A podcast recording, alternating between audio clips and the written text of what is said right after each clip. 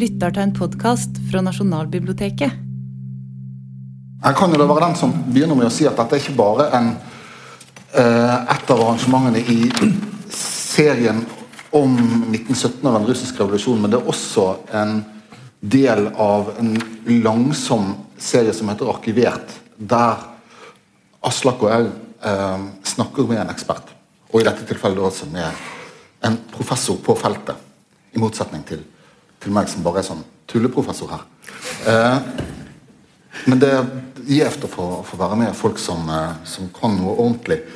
Og eh, jeg holdt på å si vi kommer til deg, men eh, jeg lurte bare på sånn, Dette her er jo da en sånn show and tell-serie.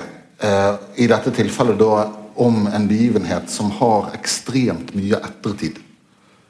Det var kanskje et av, av, kjennetegnene ved den russiske revolusjonen. Noe av det som gjør det vanskelig å, eller i hvert fall da fort vanskelig å snakke om det uten at eh, noen vil bli alterert, som Geir Karlstad pleide å si. Eh, det er et kontroversielt emne, men eh, noe av øvelsen her er jo da å gå tilbake til det vi kaller arkivene. Og se på hvordan det fortoner seg i sin egen tid, før ettertiden kommer. Og I dette tilfellet så har jo også ettertiden en veldig hurtig historie. Så Du har jo virkelig hatt tid til å, å storme gjennom den umiddelbare ettertiden og se på en del av pressematerialet for en begivenhet som du har interessert deg mye for i gamle dager. Mm. Hvordan har det gjensynet vært? Altså, hvordan har det vært å, å blå i, i avisene her? Det er veldig interessant. For, det at, uh, for 20 år siden så skrev jeg en mellomfagsoppgave om uh, perioden 1917-27 i Russland på historie. Og da om forholdet mellom Trotskij og Stalin. Og deres bruk av Lenin, grovt sett. Men da leste jeg ingen primærkilder. For da var jeg opptatt av hvordan de framstilte seg sjøl. Så jeg leste på en måte både trotskistiske, stalinistiske og, og for så vidt konservative historikere og så hva de skrev. Mens nå leste jeg for første gang takket være Nasjonalbibliotekets avistjeneste, som er helt vidunderlige. Eh, så leste jeg masse aviser fra november 1917 og bladde fram og tilbake og så i ulike aviser. Alt fra på en måte da Stange Aftenblad eller Glåmdalen eller, eh, eller små aviser i distriktene til Sosialdemokraten og Aftenposten og de store meningsbærerne på nasjonalt nivå. Og det var en annen revolusjon enn den som jeg har lest om i historieverkene. Uh, av to grunner, tror jeg. Det ene er at det er jo Det har ikke satt seg helt. Så det er present. Og da er det to ting jeg ser. Det ene at dette er jo første verdenskrig. tenkte jeg da. Dette er så, altså, det skjer, det er en stor hendelse, men det er også en første verdenskrig-hendelse. Og første verdenskrig er i de avisene hver dag.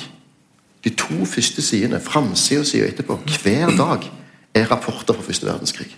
Så det følelsen av hvor svær første verdenskrig er, hvor, hvor dominerende det er, er det ene som var der. Det andre er at jeg slo meg med en gang òg, eh, som er vi har noe som, som jeg oppfatter som en slags sånn historisk rasisme. Vi har en eller annen idé om at samtida alltid er så utrolig smartere enn fortida. Og nå er Internett den siste delen av den historiske rasismen. Siden vi henter kunnskap via Internett, og det går jækla fort, så skapes det i hvert fall en meg en forestilling at alt har gått enormt seint før. Så jeg så jo da for meg noe i avisene Det går sikkert det går sikkert vinter og vår fra hendelsene i Petrograd til det meldes i norske aviser. Og så oppdager jeg jo at dagen etter oktoberrevolusjonen så har sosialdemokraten detaljerte hendelsesforløp over hva som skjedde. Ikke bare at det har vært revolusjon, Lenins parti har tatt makta. Nei, på klokkesett og tidspunkter.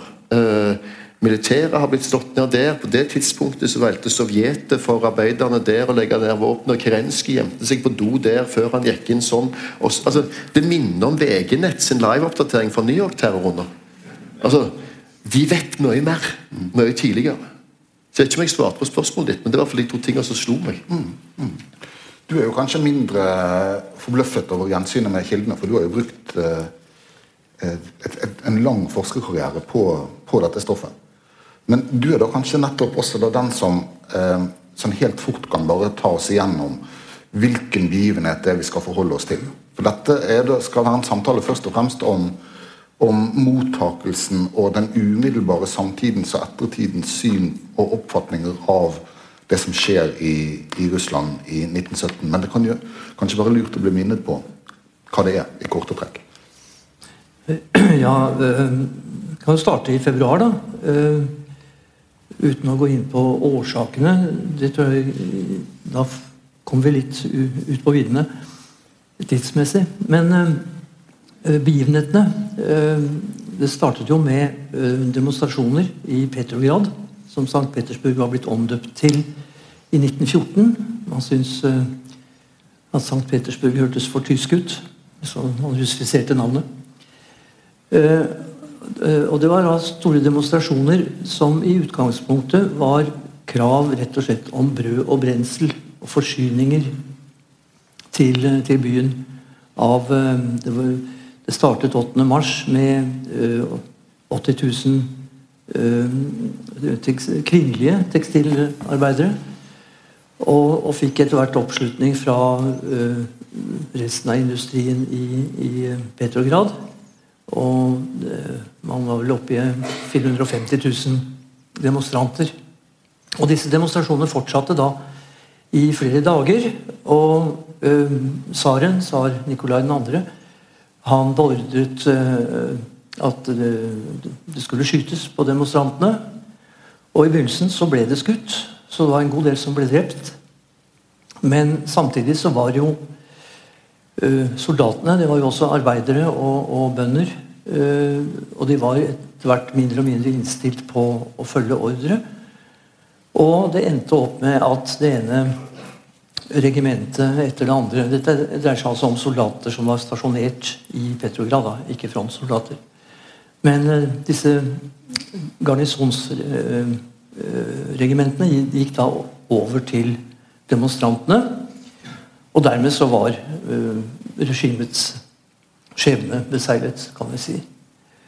Uh, så en uke etter at demonstrasjonene startet, så måtte tsaren abdisere. Og da hadde det oppstått et, et maktvakuum. Og det ble da nå fylt av to institusjoner. For det første da en såkalt provisorisk regjering, som skulle være midlertidig fram til Eh, valget av en, en konstituerende forsamling, noe som skulle gi Russland en grunnlov. Eh, den eh, hadde sitt utspring i, i Dumaen, som var en, en skal vi si, kvasiparlamentarisk institusjon opprettet i kjølvannet av 1905-revolusjonen. Og, og her, her, satt det altså, bortsett fra Med ett unntak så var altså alle regjeringsmedlemmene fra borgerlige partier Eh, eh, samtidig, eh, faktisk samme dag, så ble det opprettet et sovjet, et råd, som det betyr,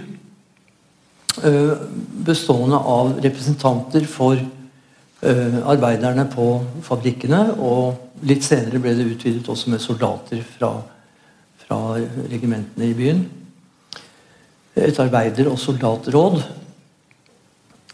som eh, da ikke gjorde krav på eh, makten i første omgang. Eh, det var ledet av dette sovjetet, som det ble kalt, Petrograd-sovjetet, var ledet i første omgang av mensjeviker, som altså var den skal vi si, moderate fløy av, av det sosialdemokratiske marxistiske partiet. Og eh, de såkalt sosialrevolusjonære, som var et agrarsosialistisk eh, bondeparti. Bolsjevikene spilte veldig liten rolle i, i, starten. Men så, etter hvert som da denne regjeringen eh, skal vi si, ikke klarte å løse de grunnleggende problemene som landet sto overfor, forsyningsproblemer, løsning av jordspørsmålet. Bøndene krevde å få overta jord fra, fra øh, den jordeiende adelen. Etter hvert, øh, og, og framfor alt, øh, regjeringen ønsket å fortsette krigen. Som det da var økende motstand mot. Etter hvert som da altså Regjeringen ble mer og mer upopulær. og det var da representanter for, eh, for Sovjetet som i utgangspunktet ikke ville være med i regjeringen. De måtte allikevel bli med eh, etter hvert. Av, grunner som jeg ikke har tid til å gå inn på. Men hovedpoenget eh, utover er at eh, regjeringen ble mer og mer upopulær, og dette rammet da de delene av sosiali altså de, de sosialistene som deltok i regjeringen, mensjeviker og sosialrevolusjonære. Bolsjevikene sto utenfor og var det eneste opposisjonspartiet. Og dette forklarer jo da mye um, altså De stilte da de parolene som, de, som, som folk var opptatt av. Brød, jord, fred. Og de forlangte også at makten skulle gå over fra den provisoriske regjering til dette sovjetet. Eh, Og kortversjonen eh, er jo da at eh, bolsjevikene som det eneste opposisjonspartiet med disse folkelige parolene fikk større og større oppslutning, mens regjeringen ble mer og mer upopulær. Og Her har vi da bakgrunnen for det som skjedde i, i oktober. Hvor det var innkalt til en kongress av sovjeter. Det hadde oppstått mange sovjeter på lokalplan rundt omkring. Eh, Så dette var altså en landsomfattende eh, sovjetkongress. Eh, Og, og eh, 25. oktober, da, etter eh, den tidsregningen russerne brukte den gangen, eh, så eh, ble, ble regjeringen avsatt av eh, røde garder under bolsjevikisk ledelse. Eh, og dette ble da forelagt for denne sovjetkongressen, der bolsjevikene eh, ikke hadde flertall alene, men de fikk støtte fra en venstrefløy blant de sosialrevolusjonære. Og det som da kanskje, i hvert fall etter min oppfatning, var en gedigen tabbe av bolsjevikenes motstandere, nemlig altså mensjevikene og høyrefløyen av de sosialrevolusjonære, det var at de forlot eh, denne kongressen. Og da ble bolsjevikene sittende igjen alene, eh, sammen med en del eh, venstre sosialrevolusjonære. Ja, og så dannet da, ble det da dannet en regjering av bolsjeviker. Etterpå ble det diskusjoner om å få med andre sosialistpartier i, eh, i en felles regjering. Det, det gikk ikke. Det var flere grunner til det. Begge fløyer kan man si, var eh, ganske uforsonlige. Mensjevikene forlangte f.eks. For at det skulle verken Lenin eller Trotskij skulle være med i en slik regjering. Eh, Og Lenin selv var lite innstilt på å samarbeide med, med mensjeviker og høyre sosialrevolusjonære. Eh, Etter hvert så ble det en koalisjonsregjering likevel, da, men eh, det var altså enkelte fra de venstre sosialrevolusjonære som sluttet seg til eh, regjeringen. Det som Så skulle velges en grunnlovgivende forsamling. Og den ble også valgt i november. Etter, altså etter at bolsjevikene hadde eh, tatt makten og, og laget en ny regjering. Eh, og når den, men når den ble samlet, så det viste seg at valgresultatet eh, Der var bolsjevikene i, i mindretall. De hadde fått ca. 25% av stemmene. Mens de sosialrevolusjonære, som var Bondepartiet, for å si det sånn, de fikk langt flere stemmer og, og fikk et flertall i denne forsamlingen. Og det var nok mer uttrykk for at arbeiderne i byene stemte på bolsjevikene, mens bøndene på landet stemte på det som de oppfattet som Bondepartiet. Og bøndene på landet var altså 80% av befolkningen. Så det er en ganske naturlig forklaring på, på det valgresultatet. Men da denne forsamlingen ble samlet, så ble den stilt overfor et krav om å godkjenne sovjetstyret. Og det ble nedstemt, og dermed så ble forsamlingen oppløst. Og det kan man si er slutten på 1917, selv om dette foregikk 18.1.1918. Aslak Sira Myhre. Ja takk, Erling Sandmo.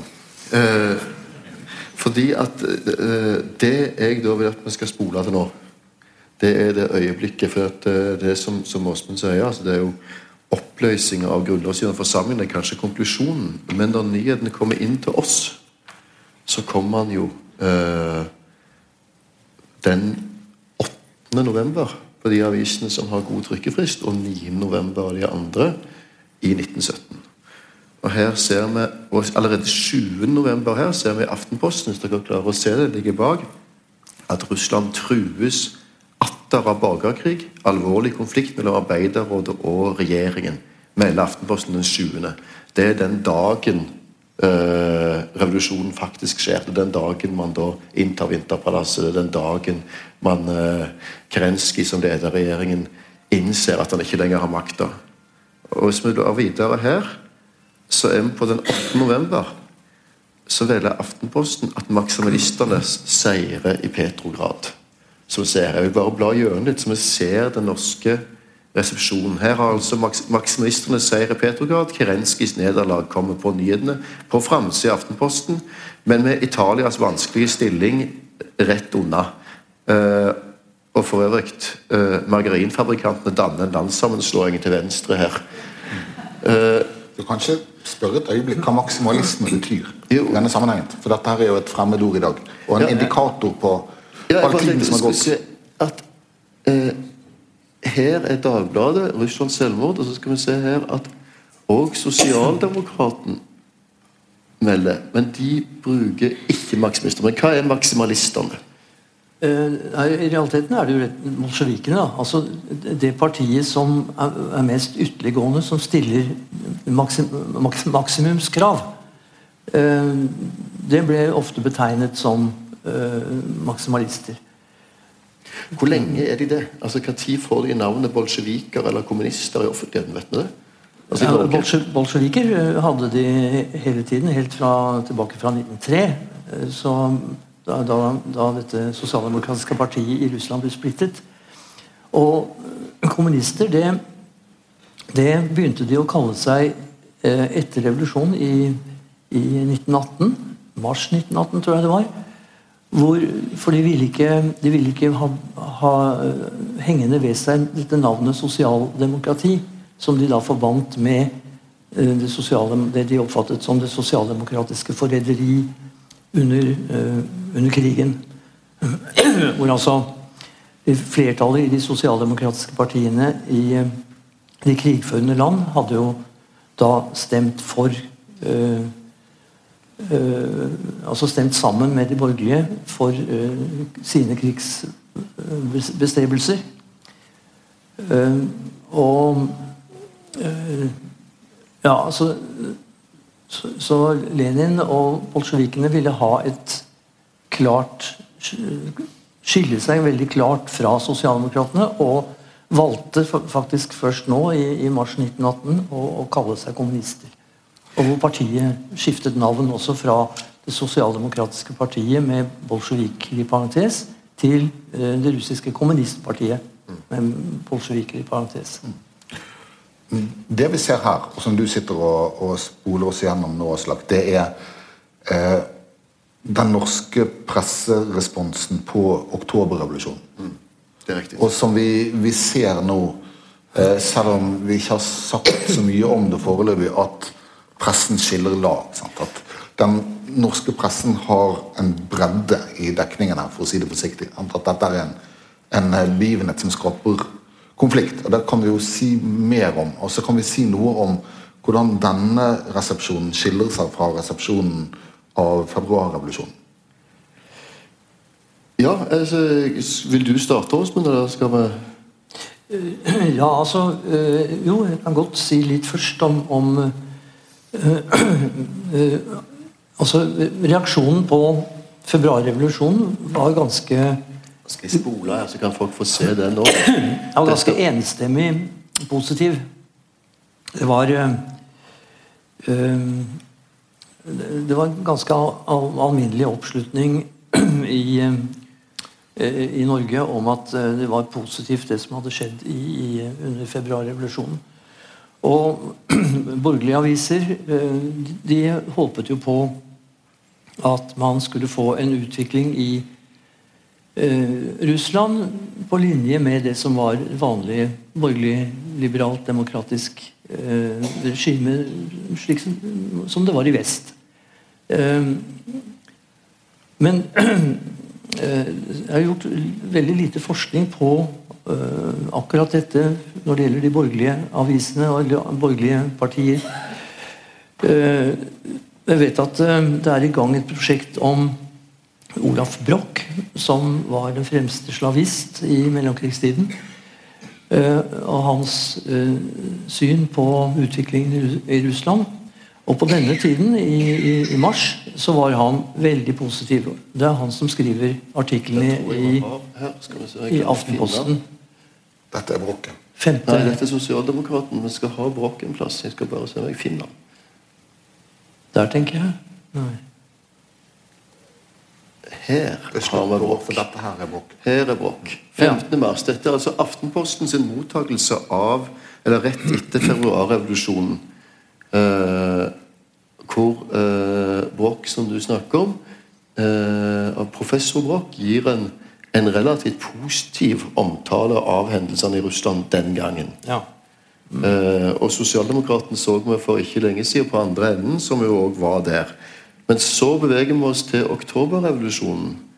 Eh, og her skiller man lag i den forstand at Aftenposten og ikke minst Dagbladet, som varsler om Russlands selvmord, eh, ikke lenger er særlig positivt det som skjer. Er det riktig forstått? Ja, men heller ikke Sosialdemokraten. For dette var, var altså øh, Før den radikale fløyen i Arbeiderpartiet kom til makten. Det skjedde i april 1918, altså i kjølvannet av revolusjonen. Og vi kan jo også spekulere i hvilken betydning eh, den russiske revolusjonen da har hatt for at den radikale fløyen i Arbeiderpartiet faktisk vant fram på det landsmøtet i, i april 1918. Så det du sier nå, det er egentlig at, at i 1917, både i februar-mars i 1917, altså etter den såkalt borgerlige revolusjonen, den første revolusjonen, så er norsk presse, eller mottakelse i Norge Dette er jo bare et bilde av en slags mottakelse, relativt samstemt. I oktober så begynner man å skille lag, men fortsatt har ikke Sosialdemokraten blitt eh, og, og venstresida eller Arbeiderpartiet blitt pro-Lenin på den måten man blir senere. Men så skjer det en endring i 1918, da Arbeiderpartiet radikaliseres av dette. Mm. Ja, da, da, da, skifter jo eh, Sosialdemokraten redaktør. Eh, fra en, en, som tilhørte den gamle retning, da, Jakob Widnes, eh, til en av de radikale som tilhørte den nye retning, eh, Olaf Schäflo. Men jeg har et spørsmål til deg, Åsmund. Jeg, som jeg sa litt innledningsvis, når jeg så disse avisartiklene, så var noe av det som slo meg, er i hvor stor grad første verdenskrig er bakteppet for alt som skjer. Og Det er selvsagt det i Russland, fordi at det er krav om å stoppe krigen som antakeligvis er det utslagsgivende for at, at du helt tatt får en revolusjon. Men òg i Norge. Og de vurdering som da har sett på, på arbeiderbevegelsen i Norges historie for så lang tid av eh, når revolusjonen skjer, oppfattes dette da som en hendelse i første verdenskrig? Eller oppfattes det som en, den skjellsettende endringen i det 20. århundret som det ble oppfattet som senere? Ja, det, det, er kanskje litt øh, vanskelig for meg å svare på, fordi at ikke noe jeg har gått i dybden på akkurat den problemstillingen. Uh, men, uh, men, det er klart uh, De fleste historikere mener at De mener såpass sterkt at hadde det ikke vært for den første verdenskrig, så hadde det ikke blitt noen revolusjon i Russland. Det er nok den mest utbredte oppfatning blant historikerne. Eh, jeg mener selv at man nok kan diskutere det, men det, ville falle litt utenfor rammen her, da. Men, øh, men verdenskrigens øh, det, det, er ingen uenighet om at verdenskrigen betydde mye for, øh, for, utviklingen, også i Russland. Det, det er alle, alle for så vidt enige om. Men noen mener at det, i beste fall var snakk om en utløs, som en utløsende årsak, men at Russland eh, før revolusjonen ikke, ikk- Nei, før krigen eh, ikke var på vei mot noe borgerlig-liberalt eh, regime, men, men eh, eh, tvert imot at man var på vei mot revolusjon selv uten krig. Men den diskusjonen der om, om krigens betydning er jo en sånn dypdiskusjon om liksom, historiens drivkraft. Om dette her er en eh, I hvilken grad det er en slags kolossal historisk tilfeldighet, eller om det er en eh, begivenhet som er forårsaket av en, en, eh, en lovmessighet, så å si. Altså en, en klassisk marxistisk tolkning vil vel nettopp betone nødvendigheten og det rene klassekampdefinerte av dette. Og mindre krigen, kanskje. Og det må jo også ha formet altså Oppfatningen av hva som var årsaken til det som skjedde i Russland, må jo også ha vært en del av den politiske resepsjonen i Norge. Men det vet man kanskje ikke så mye om. Nei, altså, ja, jeg kunne jo si litt om for Nå snakket vi om de borgerlige avisene. Eh, Det er klart, i arbeiderbevegelsen så eh, var det en ganske eh, Bortsett fra denne skal vi si, den gamle retning som da etter hvert kom i, eller var i, i mindretall i partiet, så var det eh, en ganske eh, eh, Ja, det var en enstemmig eh, oppfatning om at det som hadde skjedd i Russland, var positivt. Altså at eh, oktoberrevolusjonen var en, en positiv foreteelse. Og det var faktisk også slik at de fleste i partiet, partiledelsen og, og eh, de mente de, var, de syntes det var riktig av bolsjevikene å oppløse den grunnlovgivende forsamling. Og, og dette her kan man kanskje nå i ettertid eh, si at høres litt u, altså udemokratisk ut. Det var eh, Men de som den gangen vurderte det, de hadde to eh, ulike syn på hva som var mest demokratisk. Var det det borgerlige parlamentariske system? Eller var det rådssystemet slik det var utviklet nå i, i Russland? Og de som satt og vurderte dette, de kunne jo ikke vite hvordan historien ville gå etterpå. Eh, Så de eh, satte sitt håp til at eh, dette rådssystemet eh, det var uttrykk, et mer demokratisk uttrykk enn en den borgerlig-liberale parlamentarismen. Som de følte at arbeiderklassen ikke hadde hatt eh, noe igjen for. Jeg tenkte jeg skulle vise dere noe annet her uh, som illustrerer en utvikling. For spørsmålet som vi egentlig stiller er hva, hva slags betydning hadde revolusjonen i norsk historie etter 1917 umiddelbart på resepsjonen her, og hvordan det utvikla seg, og hvordan vi skal få snakke mer om det. Men jeg, når jeg gikk inn i arkivene, Erling, så kikket jeg òg på 1917. Men så hva skjer i de sju åra fra 1917 til eh, Lenin dør i 1924? Eh, og Der har jeg funnet fram noe her. Jeg tror alle kan se overskriften.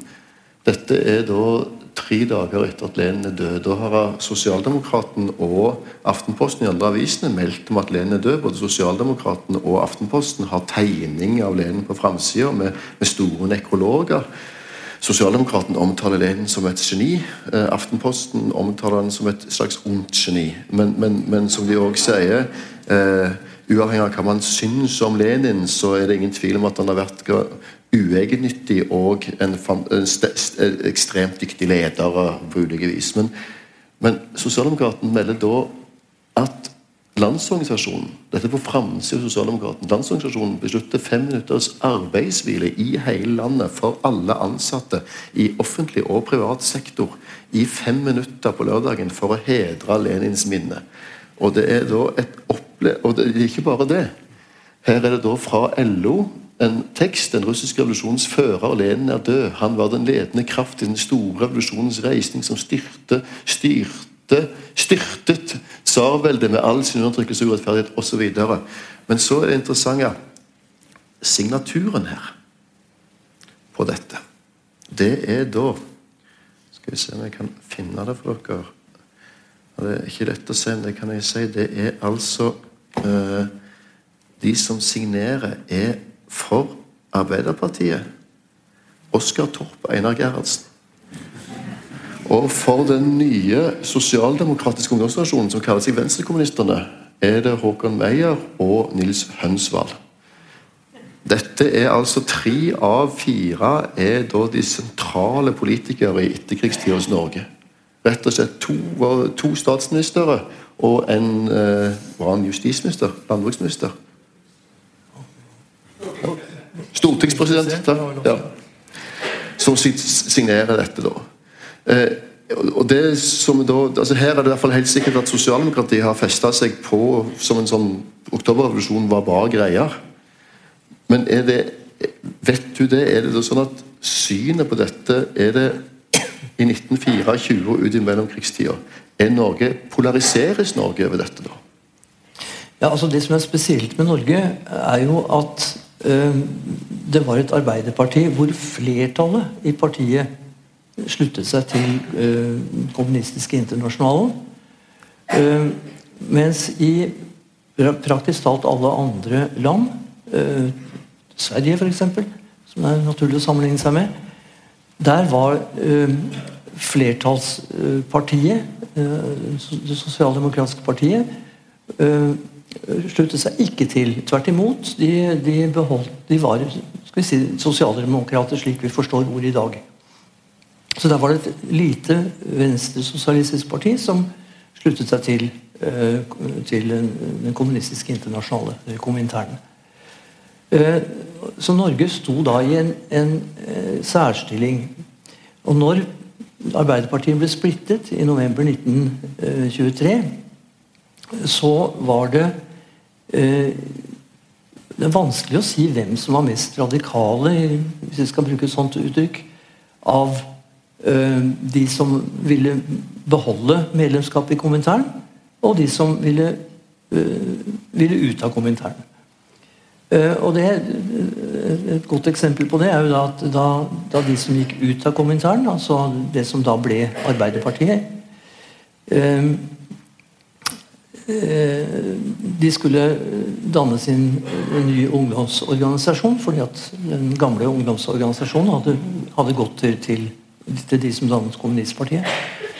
Og Da de skulle danne denne organisasjonen, så kalte de seg Venstrekommunistisk ungdomsfylking. De skulle være altså enda mer radikale enn eh, en kommunistene. Og, det, eh, og det, det, forklarer jo da også hvor, hvordan Arbeiderpartiet kunne eller Arbeiderpartiets hovedorgan da, kunne hylle Lenin til de grader etter at partiet var splittet splittet fra, seg fra kommunistene. Det var altså fortsatt et radikalt parti. Øh, og det var det gjennom praktisk talt hele, øh, hele mellomkrigstiden. Og det går en, en tråd der i partiets historie og i arbeiderbevegelsens historie i det hele tatt. En, en, skal vi si, en understrøm av Eh, som ønsket et, eh, et, brobyggingsarbeid i forhold til Sovjetunionen. Som, som ikke ønsket konfrontasjon, eh, men, men, ville ha kontakt. Og Gerhardsen var jo et uttrykk for det.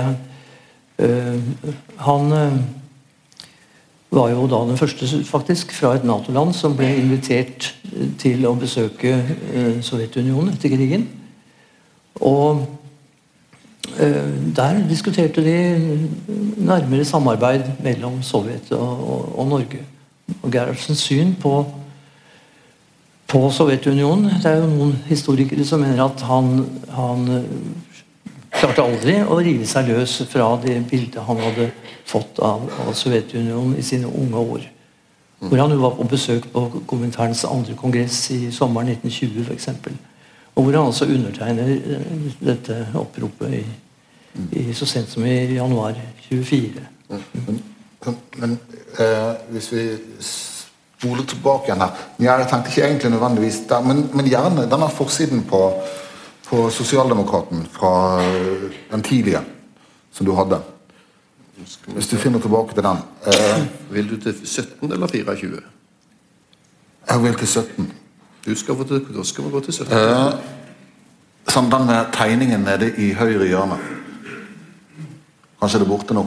Men eh, sånn for Én ting er da spørsmålet om eh, tilslutningen til det nye som skjer i Russland. Hva som kommer her. Denne. Eh, nei.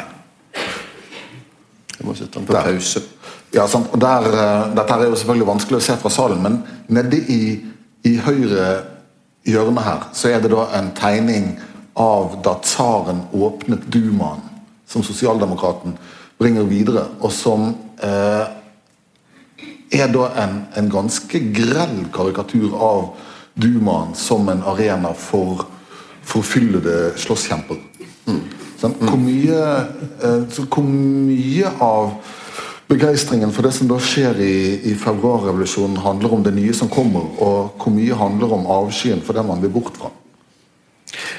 Det, tror jeg er et veldig godt spørsmål i seg og om å forstå tida. Altså jeg tenker at Noe av- det med, øh, som en sitter her, er jo også at som jeg sier, vi er i første verdenskrig. Og vi er i slutten av første verdenskrig hvor den patriotismen som, som innleda første verdenskrig, hvor alle sosialdemokratiske partier, nesten uten unntak, med unntak av Russland og Lenin og bolsjevikene, støtter opp om krigen, på tross av at man tidligere har snakket om at man skal, skal ikke ha eh, ikke, ikke, man skal ha en eh, internasjonal forbedring. Man skal ikke gå inn på disse imperialistiske krigene, så ender man opp der. I 1917 så er det lite igjen av den patriotismen.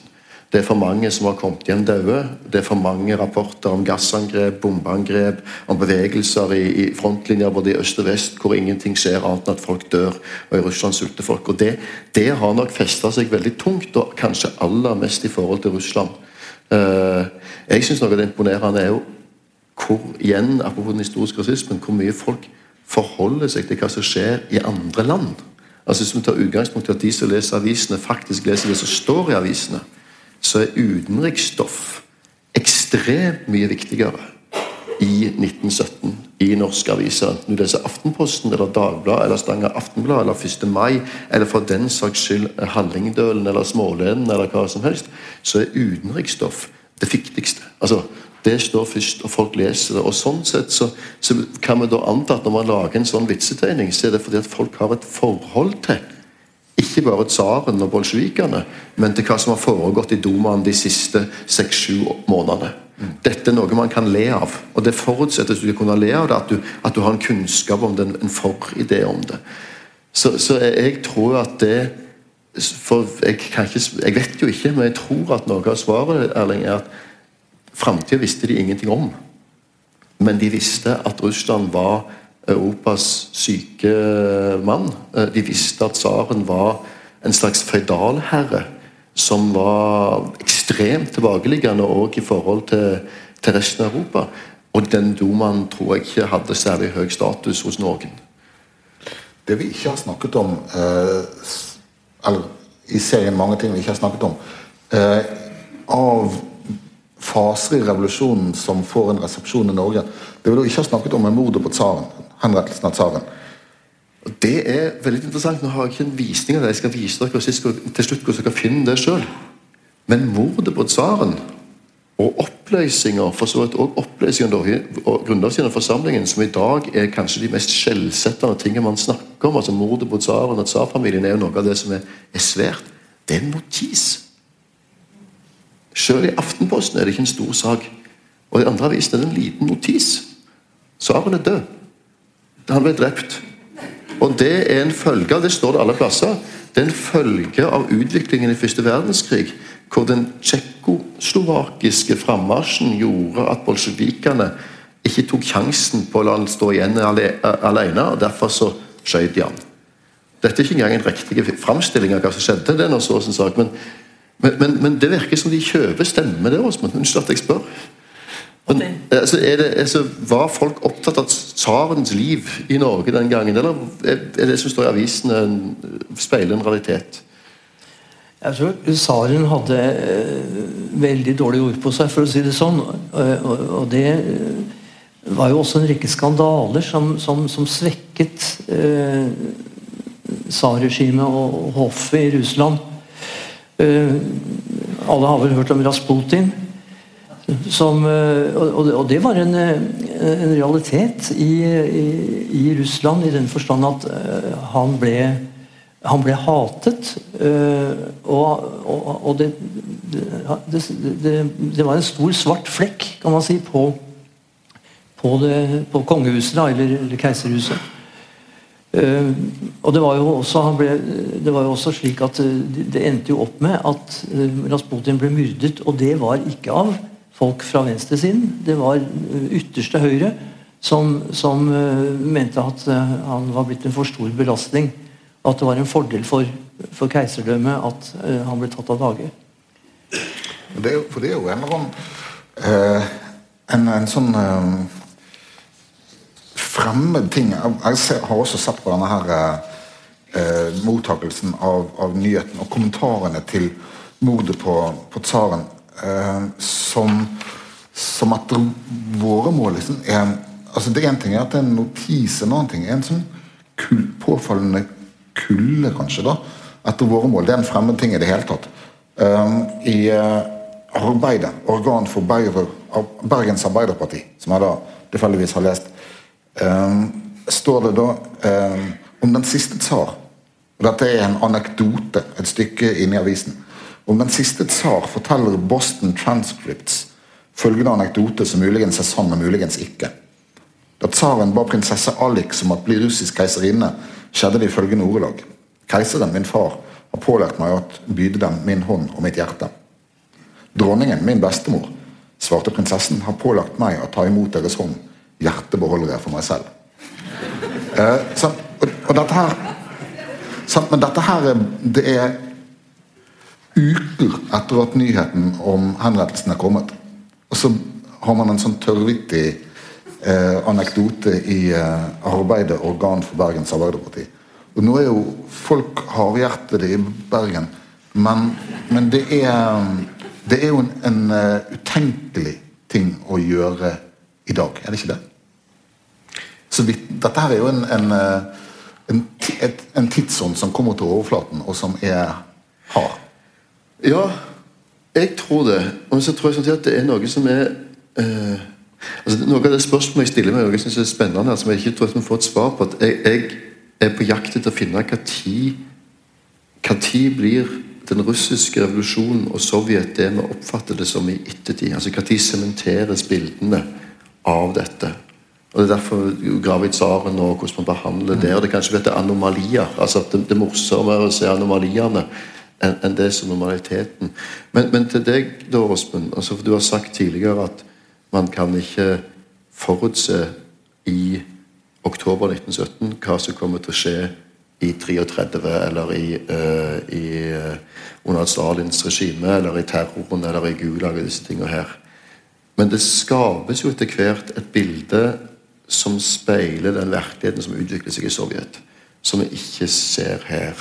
Eh, og tid er det?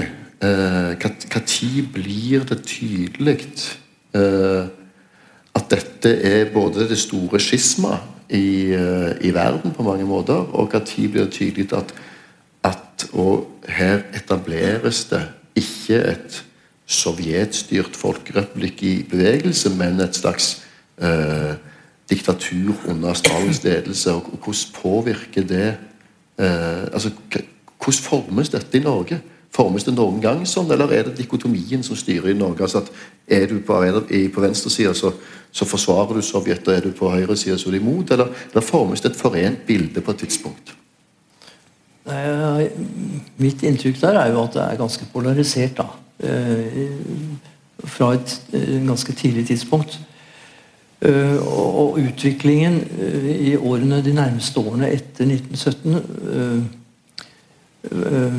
var jo slik at det forsterket polariseringen. Fordi det var ikke i utgangspunktet nødvendigvis slik at denne maktovertakelsen 25.10 ville ende opp i et bolsjevikisk partidiktatur. Det var faktisk ingen som forestilte seg det. fordi at det, man, det som var kravet, det var at sovjetene skulle overta makten fra den provisoriske regjering. Ikke at bolsjevikene skulle overta makten.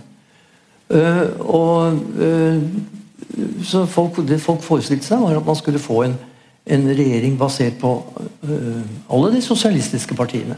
Men det skulle være altså en, basert på de sosialistiske partiene, da, uten kadettene eller altså de borgerlige partiene. Og Så får man en utvikling etterpå hvor øh, bolsjevikene uh, mer og mer altså Den første tiden var det uh, det var en del undertrykkelse, men det var av, det var av de borgerlige partiene, uh, borgerlig pressen. Mensjevikene fikk, fikk lov til å holde på en tid. Øh, og, og, de sosialrevolusjonære også, øh, inntil i hvert fall sommeren 1918, da de sto bak et, et attentatforsøk. Men, men altså Det gikk mer og mer i retning av et bolsjevikisk diktatur. Og, og, og det, var, det var ganske tydelig som avspilte seg da eh, i antikommunisme på uh, borgerlig side i Norge. Og et litt mer sånn frenetisk forsvar da, fra, fra venstresiden. Så den, den Gerhardsen, altså Når vi kom til 24, og når Arbeiderpartiet skal ha, eller hele arbeiderbevegelsen i Norge skal ha fem minutts hedring av Lenin, så er vi i en situasjon hvor dette er et spørsmål om høyre-venstre i Norge og, og, og, klassekampen i Norge, rett og slett. Ja, det Men, men Erling, du har jo skrevet uh, Høyesteretts historie i Norge. Uh, deler av den, i alle fall. Mm. Jeg har lyst til å spørre deg før vi nærmer oss slutten. Når du, når du ser på mellomkrigstida i norske domstoler, ser du spor av den russiske revolusjonen der? Den er jo der, altså. Og, og det er ganske fascinerende. Altså, du, du, du, sier at, at sånn, det har ikke vært uh, forskning foreløpig uh, som har gått systematisk gjennom den borgerlige pressens dekning.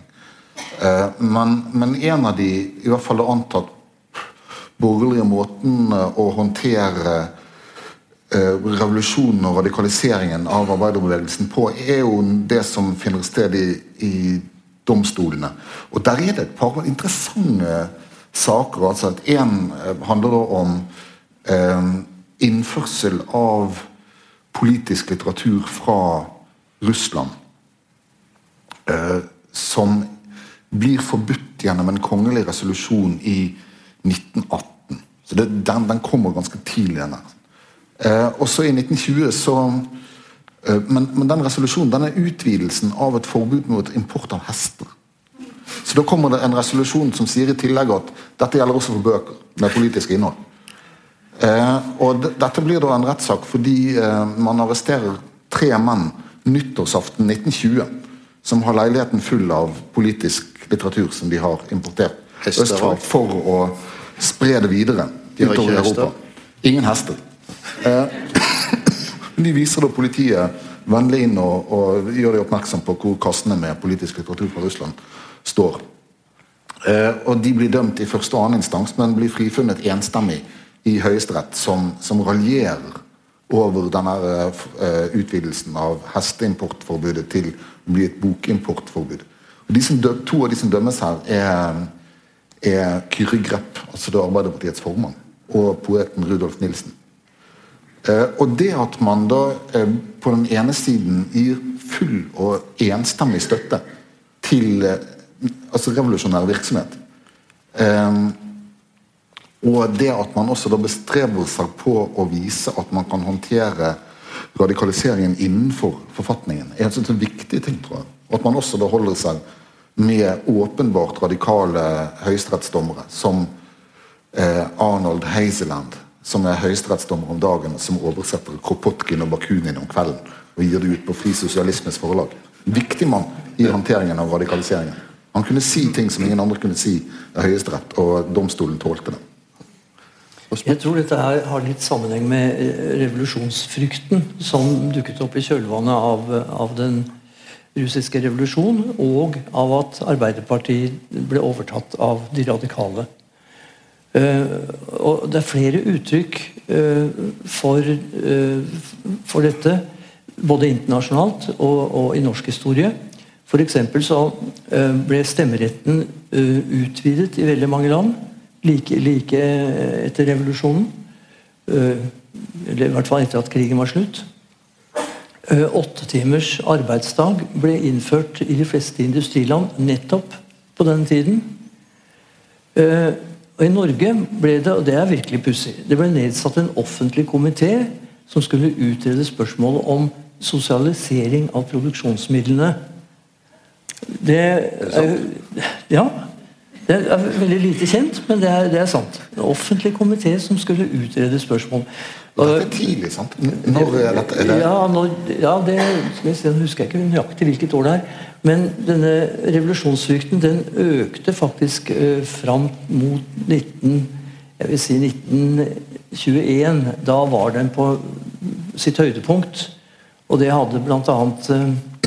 Eh, sammenheng med den såkalte storstreiken på, på, på våren 1921.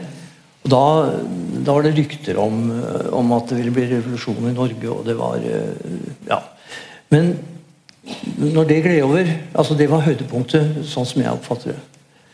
Av, av revolusjonsfrykt. Og, og, og det ble selvfølgelig ikke noe av sosialisering av produksjonsmidlene. det Men, men, men, men eh, for dette, Tida vår begynner å løpe ut, men jeg har i hvert fall to spørsmål til deg, Åsmund. Altså, konseptet her er sånn at, dere skjønner at jeg og Erling finner folk som kan mer enn oss, og prøver å pumpe dem for informasjon mens vi har dem på scenen.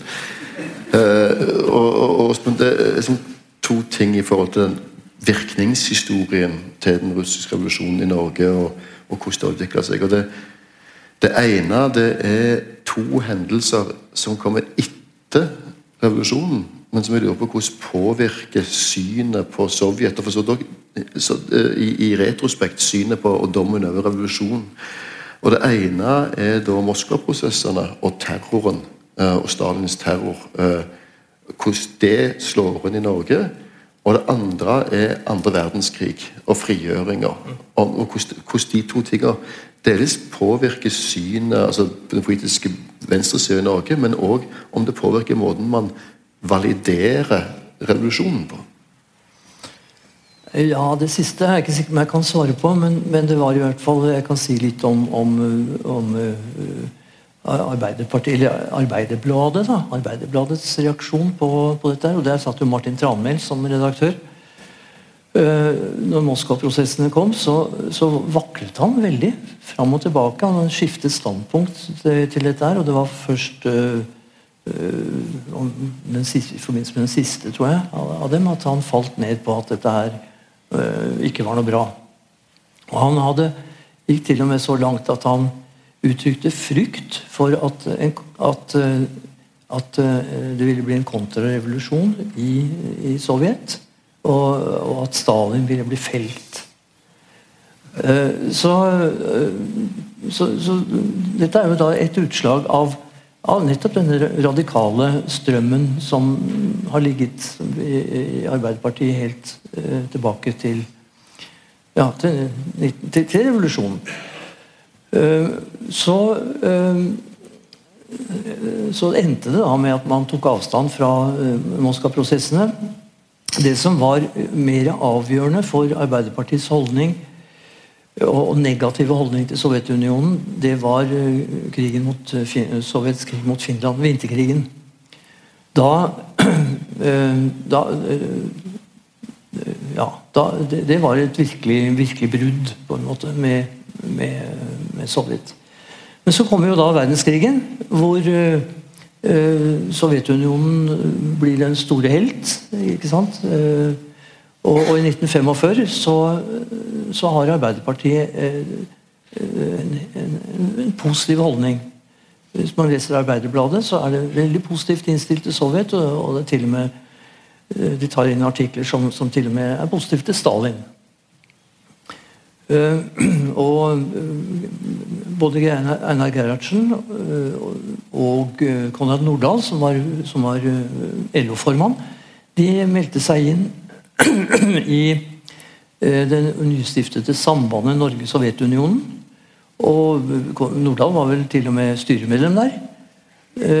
Så dette her var altså en positivitet som følge av Sovjetunionens innsats under krigen. Og det var selvfølgelig også et taktisk moment her. Man, Eh, russerne var veldig populære, og eh, det gjaldt at ikke kommunistene fikk en slags enerett eh, på å være positive til, til, til eh, Sovjet. Så det var nok sikkert også litt baktanker. Men det forklarer ikke helt denne positive, veldig positive holdningen fra skribentene i Arbeiderbladet f.eks. Men så kommer jo da den kalde krigen, som uh, igjen snur opp ned på, på, på dette her. Uh, og fra uh, ja, fra den kommunistenes maktovertakelse i Tsjekk- Tsjekkoslovakia i februar 48, så er det helt slutt med Man kan se på Arbeiderbladet, det skifter nærmest fra ene dag til andre. Fra å være positive til Sovjet til å være negative. Enda det var jo ikke noe innmarsj fra sovjetisk side i februar 48. Det er jo en veldig utbredt misforståelse, men det var, det var en tsjekkisk affære. Men, men Sovjet fikk, fikk jo skylda, da. Likevel. Det gir jo et eh, Så det du sier her, gir jo et, eh, et, kynisk bilde av, eh, av norsk politikk her. Også en, en, eh, et bilde av en, en politikk og holdning, politiske holdninger til Russland som da eh, er styrt mindre av begivenhetene i Sovjet. Altså holdninger til Sovjet. Som er styrt mindre av begivenhetene der enn av det utenrikspolitiske bildet. Som, som er later til å virke mye sterkere på den norske politiske opinionen. Nå er det ikke bare Det er jo grunnen til at vi sitter her, er at det er 100 år siden 1917, og uh, at den begivenheten har satt svære spor i Nasjonalbibliotekets arkiver er det ingen tvil om. Jeg fikk akkurat beskjed i dag om at uh, uh, i arbeidet Håndskriftssamlingen har Elisabeth Eide, som er hudograf og for lengst pensjonist jobber med våre småtrykk. Hun har akkurat funnet en boks med småtrykk fra den russiske revolusjonen eh, i Norge, og mottakelsen på det der, som ennå ingen har kikket på på 70-80 år siden. Som vi skal begynne å jobbe med. Men det er jo plasser hvor det har hatt større betydning enn i Norge, og Russland er jo da kanskje den plassen vi må kunne si at det har hatt mest å bety.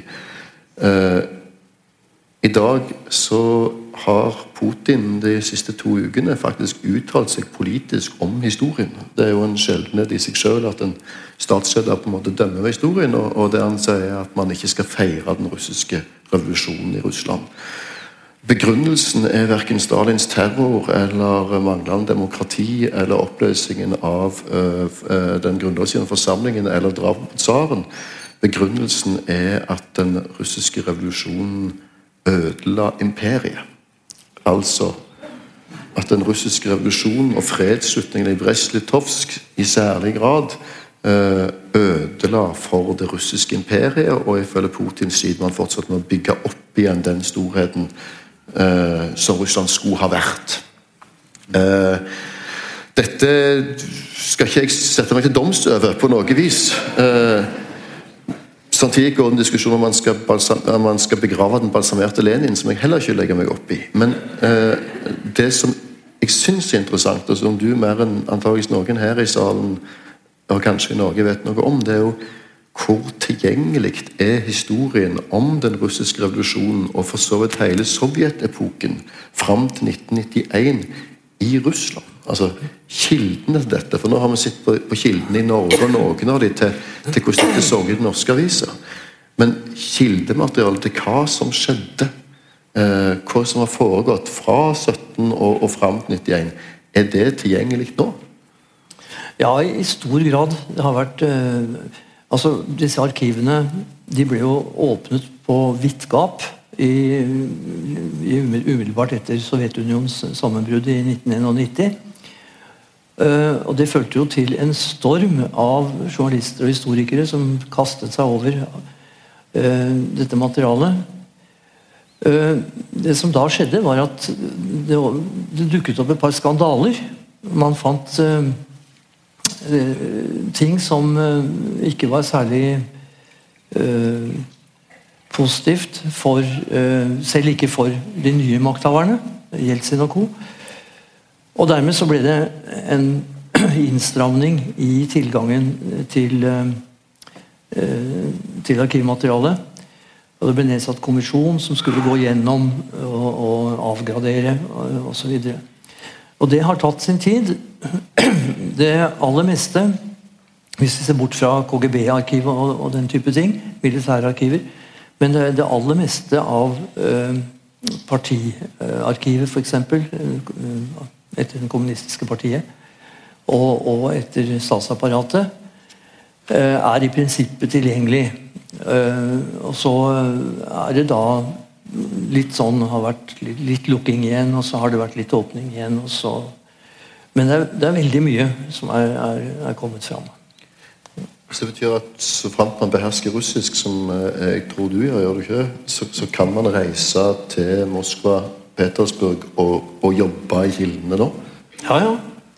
Jeg har eh, selv vært der ganske mye. Og jeg hadde øh, Jeg har veiledet studenter som har reist bort og gravd. Det vi særlig har sett på, det er jo da norsk-russiske øh, forhold. Øh, altså særlig på partiplan. forholdet mellom Arbeiderpartiet og, og Komintern. og dels også Kommunistpartiet og Komintern. Så mest fra mellomkrigstiden. Så dette kommentarens arkiv ligger jo da i, i Moskva. Og det er, det er bokstavelig talt millioner av dokumenter som, som, ligger i arkivene der borte. Da blir det jo eh, smått det vi bare, bare, en liten, bare, en liten, ting. Man, man, må faktisk, hvis man skal studere kommentaren, eh, så må man ikke kunne russisk. For der var hovedspråket tysk. Så er, hvis noen har lyst til å reise bort og kikke nærmere på det, så må man ikke kunne russisk.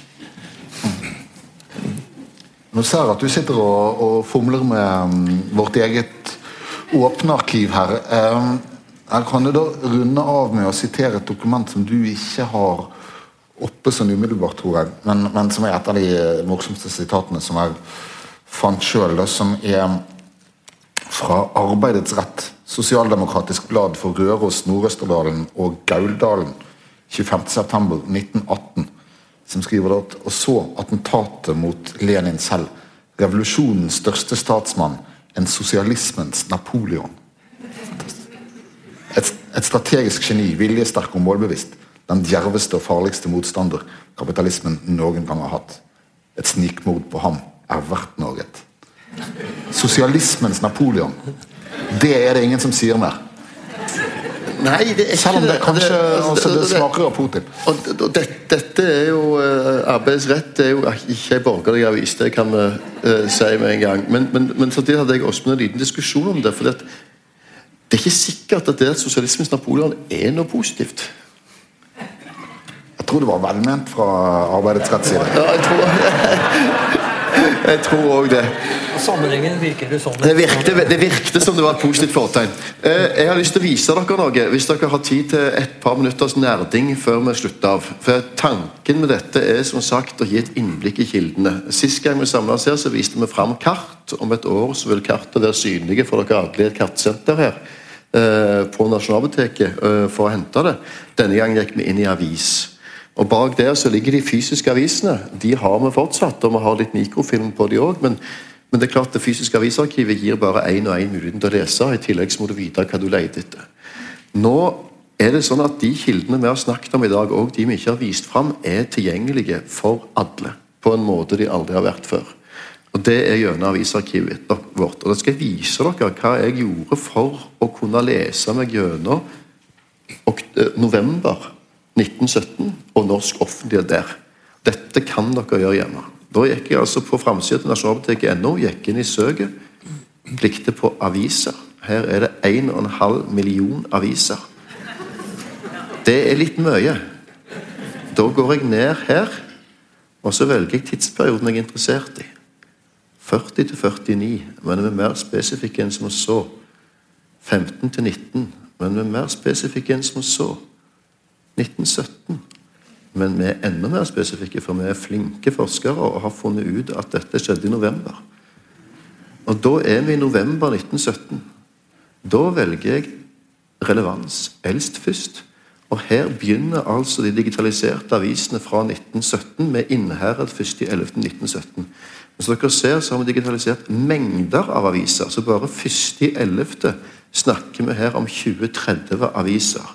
Det er litt mye å forholde seg til. Men hvis, hvis november kommer først